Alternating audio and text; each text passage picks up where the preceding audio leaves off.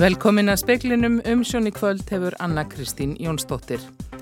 Forsættis ráð þeirra segir mikilvægt að sátt hafi náðst við Erlu Bolladóttur og henni greitar bætur vegna gæslu varðhalds í Guðmundar og gerfinnsmálum. Erla segist loksins vera laus úr málinu. Rúf og matvælastofnu voru síknuð að skadabóta kröfu brúnekja í dag. Eigendum brúnekja var gert að greiða háan málskostnað begja aðila sem fá fordæmiru fyrir. Samningar nefndir eblingar og samtaka atunlífsins hittast á fundi millir jóla og nýjárs. SA hafnaði nýri kröfugerð eblingar í morgun og ítrekkar að SGS samningurinn sé við niður. Það getur ebling ekki fallist á. Hamburgarryggur er langvinnsalistur á matborðun landsmanna á aðfangadagskvöld, lambakjött, annað en hangikjött, kalkun, rjúpur og nautakjött koma þar á eftir. Erla Bolladóttir fær 32 miljónir króna í miskabætur frá ríkinu vegna gæsluvarðhalds sem hún sætti vegna myndrar aðeldara kvarfi Geirfinns Einarssonar 1974. Dómur vegna rángra sakargifta stendur óhaggaður samanber niðurstuðu endur upptökudóms frá því haust. Katrín Jakobsdóttir forsættisráð þeirra segir mikilvægt að sátt hafi náðust við Erlu.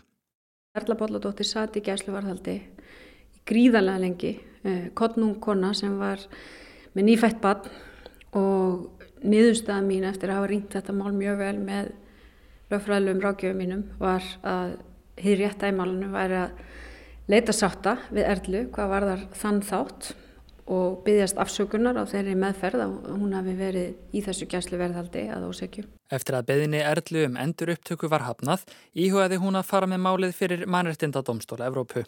Mér endist ekki æfinn í Evrópadómstól og þar að auki þá er engin engin trygging fyrir því ákvöld meginn það fer. Erla segir að dagurinn hafi táknræna merkingu en þennan dag, 20. og 2. desember árið 1976 var hún látin laus eftir 8 mánada einangrun. Þannig að það má eiginlega segja að á 46 ára amalinu er ég látið laus úr þessu máli. Katrín segir það hafi verið sinn vilja frá því hún tók við ennbætti að ljúka því sem eftir stendur af guðmundar og gerfinnsmálum. Skuggi þessa máls, eh, ég held að hann sé ennþá til staðar og ég held að það sé mjög mikilvægt að við gleymum ekki þessu máli og við nýtum það til að læra af. En ég vona að þessi áfangi í dag marki ákveðna lúkningu gagvart erlu Saði Katrín Jakobsdóttir, einni var ættu Erlu Bolladóttur, Andri Irkil Valsson tók saman. Oddviti Skaftárreps hefur áhyggjur af því að gengi sjóf langt í tillögu umhverfustofnunar um friðlýsingu á vatnarsviði Skaftár vegna búlandsvirkjunar. Tillagan er í samræmi við þriði áfangar ramma áallunar sem samþögtur var á alþingi í júni. Þar var búlandsvirkjun sett í verndarflokk. Samkvæmt lögum um ramma áallun á að friðlýsa alla virkjanakosti í verndarflokki er svo vinna nú hafin við þriði áfangan. Hugmyndir um búlandsvirkjun voru umdeldar á sínum tíma en hafa ekki verið í hámæli frá því lagt var til að setja kostin í vendarflokk. Svæðið sem friðlýsa á næri við stóran hluta vatnarsviðs skaftár. Jóhannes Gissurarsson, oddviti skaftárrepp, skirir á fyrir að skipta skoðanir síðan meðal íbúasveitafélagsins um svæðið sem undir er í friðlýsingunni. Svona fljótt á litið sínist mér að umfangið sé Tannsveit yfirdrifið miða við það að hann er verið að fjalla um friðlýsing og einu virtunakorti. Ég get ekki neyta því að mér finnst svona það að hafa virkja heilt vatnas við fyrir það eitt að inn í, í því er einn skilgrindu virtunakostur í, inn í ramma og allir meginn við veist að svona full langt gengið. Heiðagvunni Áskirstóttir, landegandi í Skaftarreppi og baráttu konan gegn virkjana áformum í Skaftá, segist ánæð með tilhuguna. Mér finnst það er bara sjálfsagt mál að þessi, að þessi ási breyði. En, en ég ger mér þetta alveg grein fyrir að það er ekki, veist, að, að það er ekki allra skoðun, sko. Og það var alveg viðbúið að einhverjum myndi finnast þetta of mikið. Sagði Heiðagvunni Áskirstóttir, Ástallín Magnúsdóttir talaði hana og Jóhannes Gissurarsson. Fimm konur voru handteknar í Kabul í Afganistan í dag fyrir að taka þátt í mótmælum gegn banni Talibana við að konur fá að læra í háskólum landsins. Utanríkis ráð þeirra G7 ríkjana telja bannið sé mögulega glæpur gegn mannkinni. Talibanar tilkynntu um bannið á þriðjudag og tók það þá þegar gildi. Bannið gildir jamtum opinbera og engarekna háskóla í landinu. Í yfirlýsingu mentamálaráðuneytisins segir að sérfræðingar þess hefðu lagt mat á kennslusgrár og umhverfi háskólana og hvenkins nemum er því bannað að læra innan þeirra þar til ásættanlegt vinnu umhverfi væri tryggt. Netta Mohammad Nadim, ráð þeirra háskólamála, sagði sjónvarps viðtali í dag að bannið kemi til vegna þess að kvenkins nefendur í háskólum hefðu ekki fyllt öllum reglum, þar á meðalum klæðaburð. Á myndböndum á samfélagsmiðlum gefur að líta á þriðja tug afganskra kvennaarka um götur Kabul höfuðborgar Afganistans. Það er ætluð að koma saman með háskólan í Kabul, þann stærsta í landinu, en ákvaðu að færa sig um set eftir að yfirvöld sendu fjölment lauruglulið á vettvang. BBC hefur eftir nokkrum konum sem tóku þátt í mótmærunum að þær hafi annað hvort orðið fyrir barsmíðum eða verið handteknar. Utanríkisráþarar G7 ríkjana sögðu í yfirlýsingu sem þeir sendu frá sér í dag að meðferð talibana á konum og stúlkum í Afganistan væri mögulega glæpur gegn mannkinni. Þess er krafist að konur fái tafarlaust að hefja námað nýju í skólum landsins. Róbert Jóhansson sagði frá. Mikið ílviðri er í uppsiklingu í bandaríkjunum á morgun og gæti sett stryk í ferða á allanir miljóna manna í aðdraganda jóla. Flugfélag vestra hvetja farþega til að búa sig undir miklar tafir og að ferðum verði aflýst. Ískalti heimskötuloft tók að streyma yfir miðluta bandaríkjana í gær. Bandariska viðstofan segir að viðurhamurinn geti valdið skemdum og innviðum. Búist er við að 112 miljónir bandarkjamanna higgja á ferðalag yfir hátíðnar. Nánar verður fjallað um þessa viðspá síðar í speklinum. Ríkisútvarpið og matfælastofnum voru síknuð í hérastómi Reykjavíkur í dag af skadabóta kröfu fyrverandi eiganda brúnekja. Kastljós fjallaði 2016 um starfsemi ekja framlegandans og nokkrum mánuðum síðar var fyrirtæki gjaldþróta. Í kastljósi var meðal annars greint frá ítrekuðum aðtugasendum matvælastofnar við starfsemi brúnekja, þar sem líst er mjög slæmum aðstæðum á búum fyrirtækisins, vondum loftgæðum, miklum þrengslum og vondu ásökumulagi varpæna. Þá kom fram í umfjöldun kastljós að starfsfólk matvælastofnar hefðu um ára byl talið að ekkjaframleðandin brúnek blekti neytendur með sölu á ekkjum sem sögð voru vistvæn. Vegna gjaldtróts brúnækja töldu fyrrum eigendu þess, bræðurnir Kristinn Gilvi og Björn Jónsinnir, að rúf og mast væru skadabótaskild. Það félst dómurinn ekki á og dæmdu stopnununum í vil og var bræðrunum jafnframt gert að greiða málskostnað begja gagnaðila, fjórar miljónir króna á kvot. Fátítt er í skadabóta eða meðeramálum sem rekin eru gegn fjölmiðlum að málskostnaður sé feldu niður. Niðurstaðan í dag bendir til að þetta sé mögulega að breytast. Brúnækjamálið hefur nú farið tvísvar fyrir domstála. Fyrst á síðasta ári þegar máli bræðrana gegn Rúf og Mast var vísað frá hérastómi Reykjavíkur. Landsréttur var ósamála þeirri niðurstöðu og úrskurðaði að málið skildi teki fyrir í héræði. Ottur Þórðarsson sagði frá. Trúfélagi Vottar Jehova hafa stemt norska ríkinu. Þeir fengu ekki greiðslur úr ríkisjóði Noregs í fyrra. Stefnan beinist að batna á fjölskyldumálaráðunettinu og hún var í gær sendt hérastómi Óslóðarborgar. Norska ríkisútarpið greini frá. Vottum Jehova þykir að ríkið hafi brotið gegn sér því það eru hafnað greiðslum til þeirra vegna þess sem ríkisvaldi kallar útilokkunar stefnu trúfélagsins. Hamborgarryggurinn trónir á toppnum á matborðum hér á landi á aðfangadagskvöld. Sankant nýri könnun maskinu er hann langvinstalistur. Þar á eftir kemur lambakjött, það er annað en hangikjött, kalkun, rjúpur og nautakjött í fymta sæti. Lang flestir halda í hefðir um jólinn. Mikið anriki enkennir verslun þessa dagana en það setti veðri stryk í rekningin um síðustu helgi. Alexander Þórsson er verslunastjóri hjá bónusi á Smáratorki. Hann segir að jólaösin hafi gengið vel. Þetta er trúlega stæðst í dagar ásins, þannig að við vonum bara að halda í slúðið þess að fram. Hvaða mat er það að selja mest af? Það er hambúrgarreigurinn, uh, hangikjöti, svo eru nautalendunar okkar að seljast með mjög Wellington nautalendunar, svo er einn og einn sem fer í rjúpuna. Stórdagur í dag, heldur að morgundagurinn og aðfangandagur verði jafnstórir? Já, morgundagurinn verður klárlega jafnstór, en svo er aðfangandagur svona dagar þar sem fólk er að koma á næri rjóman og jarðaberinn og svona þess við bara regnum við því að þetta haldi svona áfram. Saði Alexander Þórsson, Jóhanna Vigdís Hjaltadóttir talaði við hann. Hvað eru við? Ómissandi! Hvenar? Alltaf! Þarna heyrðist í hluta samningar nefnda eblingar sem bríndu sér til dáða eftir að samningafundi með samtökum aturlífsins laukundir hádegi í dag.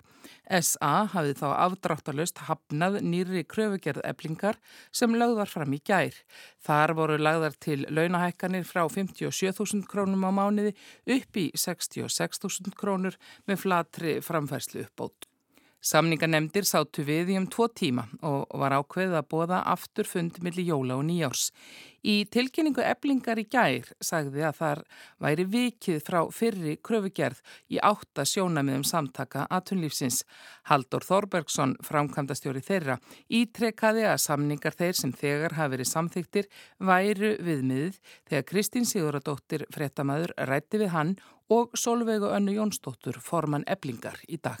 Niðurstaðfundarins var svo að um, samtöku atvinnulífsins fallast ekki á tilbúð eblingar.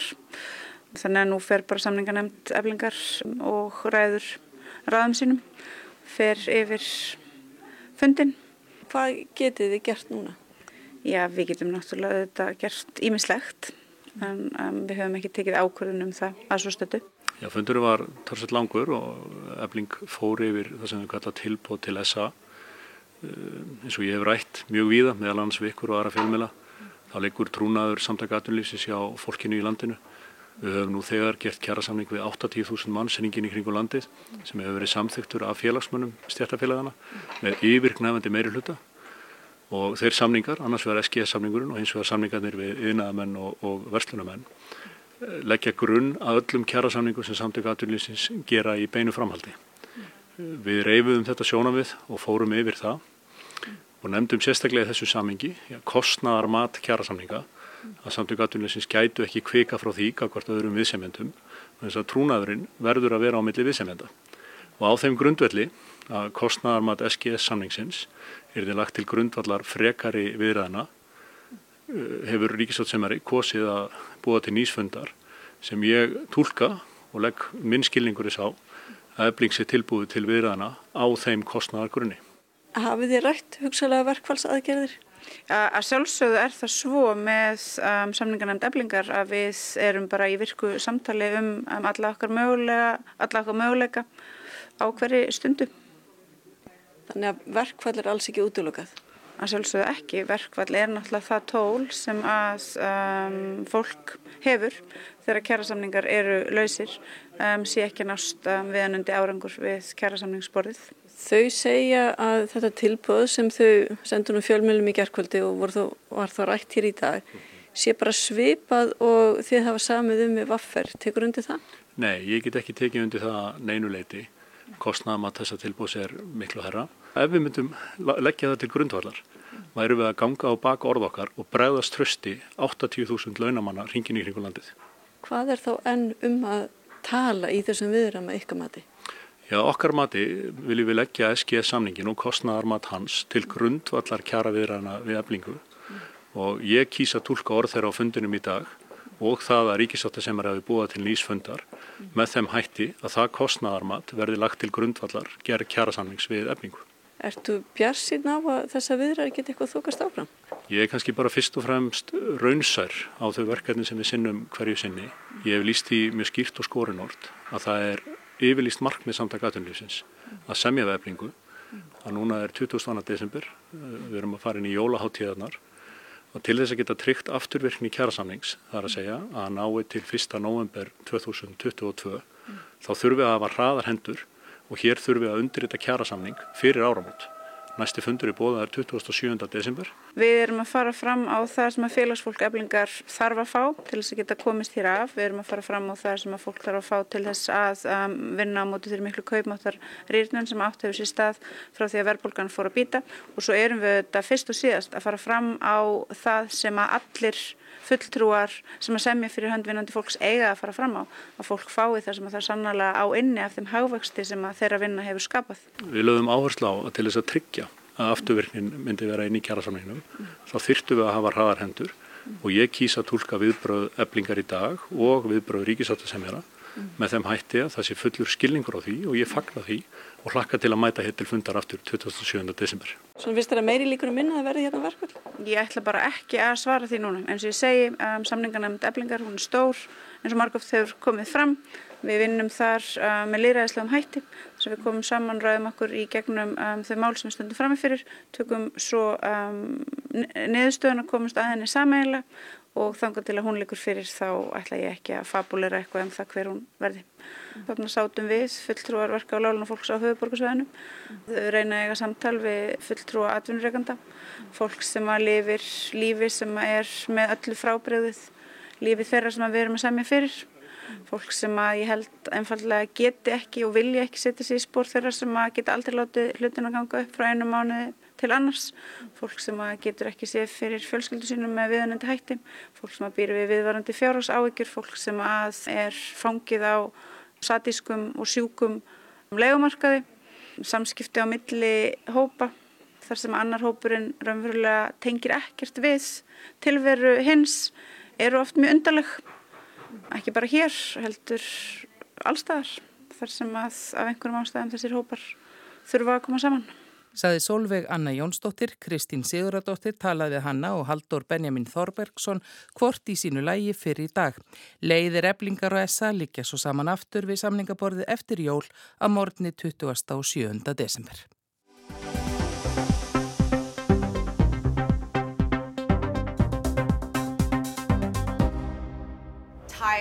Stressed, hungry, just hopeless, honestly. Ég er þreytt, stressuð, svöng, vonlaus í hreinskilni sagt. Þetta sagði flugfartegin Veronika Weimann. Hún var ekki stödd á Keflavíkur flugvelli, heldur á Tacoma alþjóða flugvellinum í Washington ríki í Bandaríkjónum. Þar var í gær feld niður hver flugferðin á fætur annari. Veronika sem ætlaði að fara í jólafrí til Minneapolis þurftið að fljúa fyrst til Phoenix og þaðan til Denver ef ferðirnar eruðu þá ekki feldar niður. Veður setur sem sagt strykirreikningin hjá ferðafólki víðar enn á Íslandi þótt ætla mætti annað af orðum sársvektra ferðalanga í flugstöðulegs Erikssonar fyrir þessari viku. Það er bróstið á með óveðri í vestur hluta bandaríkjana. Búist er við að það hafi náð yfir í austurhlutan á morgun þorlóksmessu eftir að hafa farið yfir slétturnar miklu í kvöld og nótt. Bandariska viðurstofan gaf í gær út óviður viðvörun í 48 ríkjum þar sem búa um 200 miljónir manna. Varað er við óveinilega djúpri lagð sem sjálfnast kemur nema á margra áratuga fresti. Hún kallast Bomb Cyclone sem Trösti Jónsson viðurfræðingur hefur þýtt sem óðalagð. Spáð er mikilli ofankomu og byljum, kvassviðri og fimpul kulda. Aðstæður eru sagðar geta orðið lífshættulegar, engum í mið- og austuríkjónum, þar sem vindkælingin getur farið niður í 40 stega frost og jafnvel 60 á einstaka stöðum. Við slíkar aðstæður kelur fólk á innan við 5 mínútum, segir í viðvörun veðurstofunar. Þá er varað við skemdum á innviðum samfélagsins og tröflun á samgöngum á landi og í lofti. Flugmálastjórn bandaríkjana varaði einnig í dag við kvassfiðri og mikillir snjókomu sem gæti valdið röskun á flugi á nokkrum helstu samflugvöllum í landinu svo sem Minneapolis, St. Paul, Chicago og Denver. Í Denver var hittin í gærum tíu stygg. Spáð var að hann færi í eða yfir 25 stega frost í dag. Þar hafa borgar yfirvöld gertið Denver Colosseum í þróttahöllin að neyðarskíli þánga sem fólk getur komið og hlýja sér. Í Fort Worth í Texas hefur íbúanum verið sagt að búa sig undir kulda og trekk að minnst að kosti 25 stega frost. Ekki er talið að ástandið verði jafn slemt og í februari fyrra.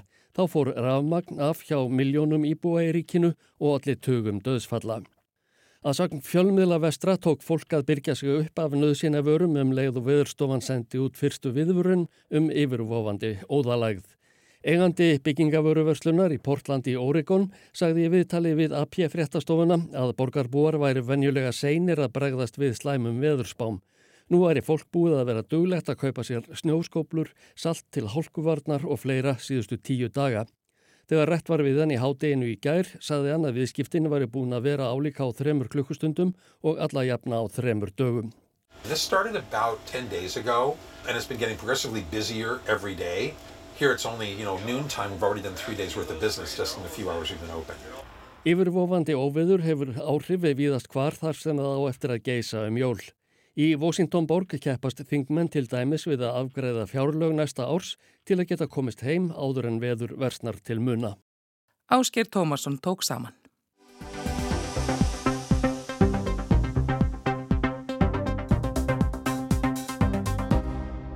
Það er þröng á þingi í neyðarskilum fyrir heimilislaust fólkum þessar myndir og hefur raunar verið lengi. Á hverjum sólarhing leita týjir fólks skjóls í skílunum, ekki síst nú þegar veturinn er brostin á af fullum þunga. Í síðustu úttækt Reykjavíkur borgar á fjölda heimilislausra sem gerð var í oktoberi fyrra voru 87 konur heimilislausar og 214 karlmenn. Í sumar jógst aðsókn í gistiskilin til muna svo ætla má að þessar tölur séu herri núna. Um þriðungur heimilislausra í Reykjavík koma úr öðrum sveitarfélögum. Á dögunum þegar veturinn skall á höfuborgarsvæðinu var virkjuðu neyðaráallun og gistiskilin höfðu opin yfir daginn.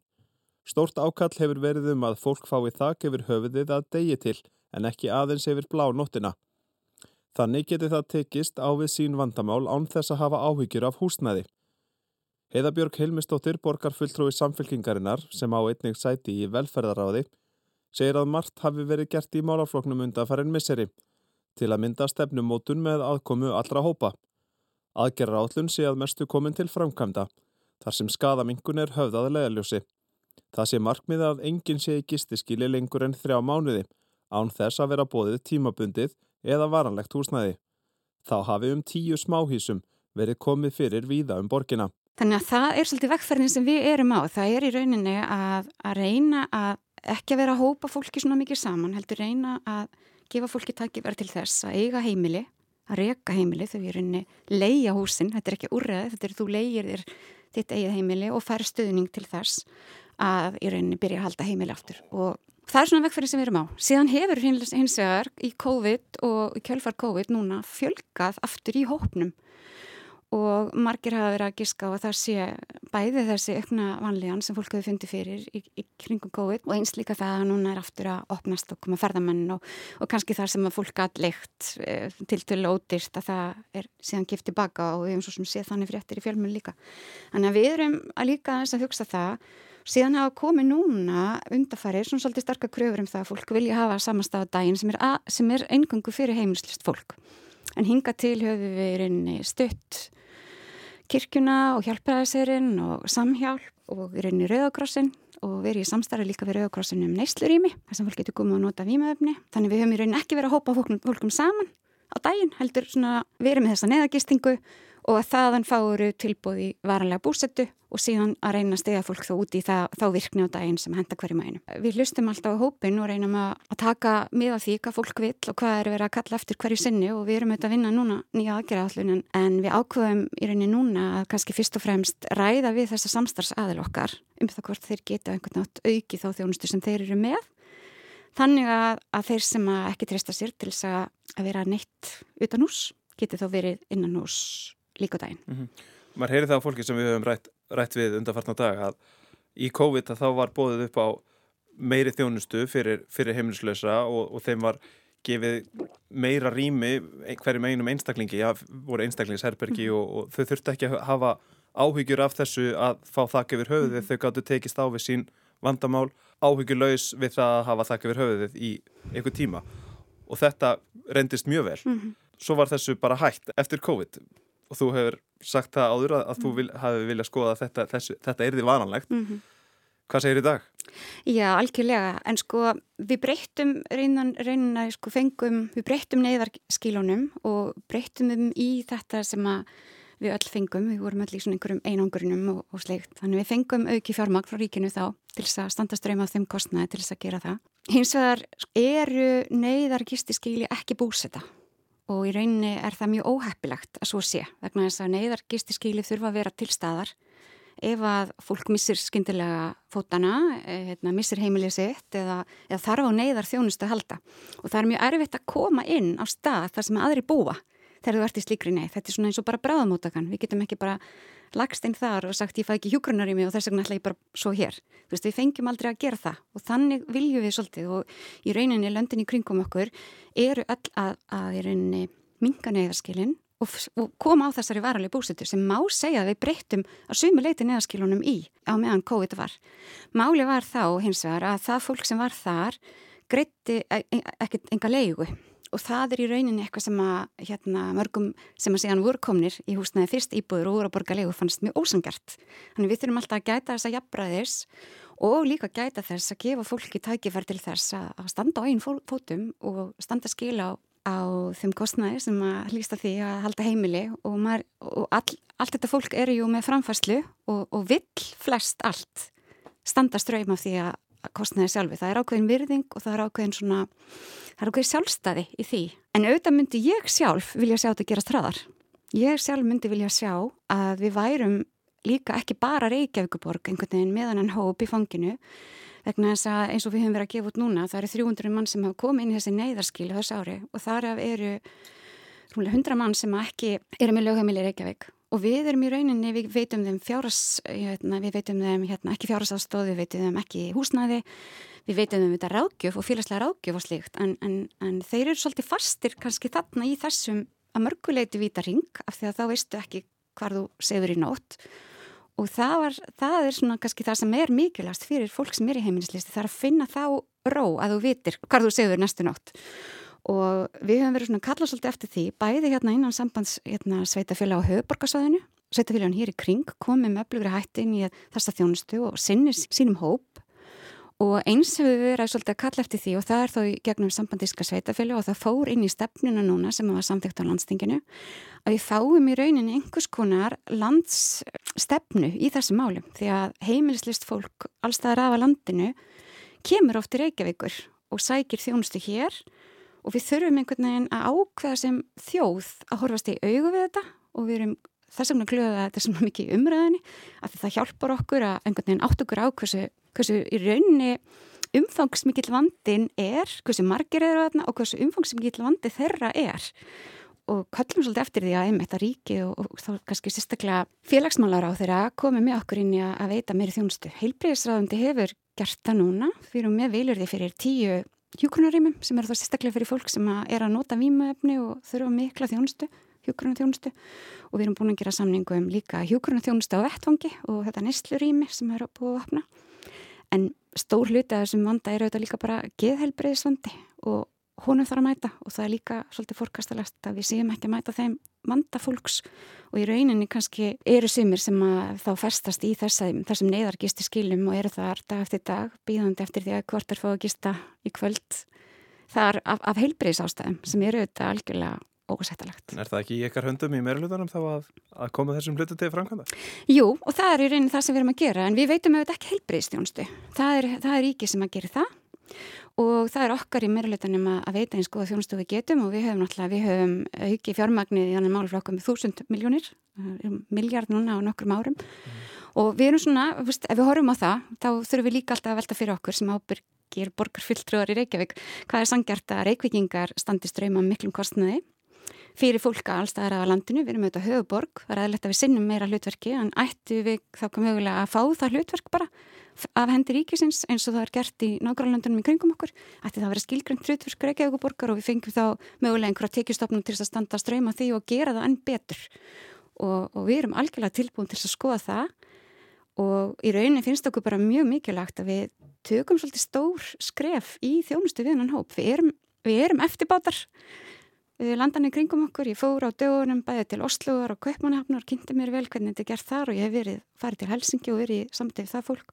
Við, við líkjum á eftir. Og þar er miða við sko hámark tíu daga í, í neðarkisti skili og við erum ennþá með við þrjá mánu og náum því ekki. Og þar er líka mjög stíf og skýr krafa um það að, að sveita félag hvers og eins sinni hans þörfum og gerir það ekki þá rukka höfuborginnar sveitafélagin. Mm -hmm. Það verka vinna. Við komumst ekki lengra. Heiðabjörg Hilmistóttir, takk hjálpa fyrir komin í speilin. Takk fyrir. Þannig talaði Bjarni Rúnarsson við Heiðabjörgu Hilmastóttur. Veðurhorfur á landinu til miðnettis annað kvöld. Það verður norð-austlega átt, 3-8 metrar á morgun og stöku jél með norður og austurströndinni en annars verður bjart og það kólna nokkuð í veðri. Fleir er ekki í speiklinum þessa vikuna og á morgun þorlagsmessu taka jólakveðunar yfir. Tæknumæður í útsendingu var Magnús Þorstein Magnússon, stjórn útsendingar fréttalhutans var hjá Margeti Júliu Ingimarsdóttur, veriði sæl.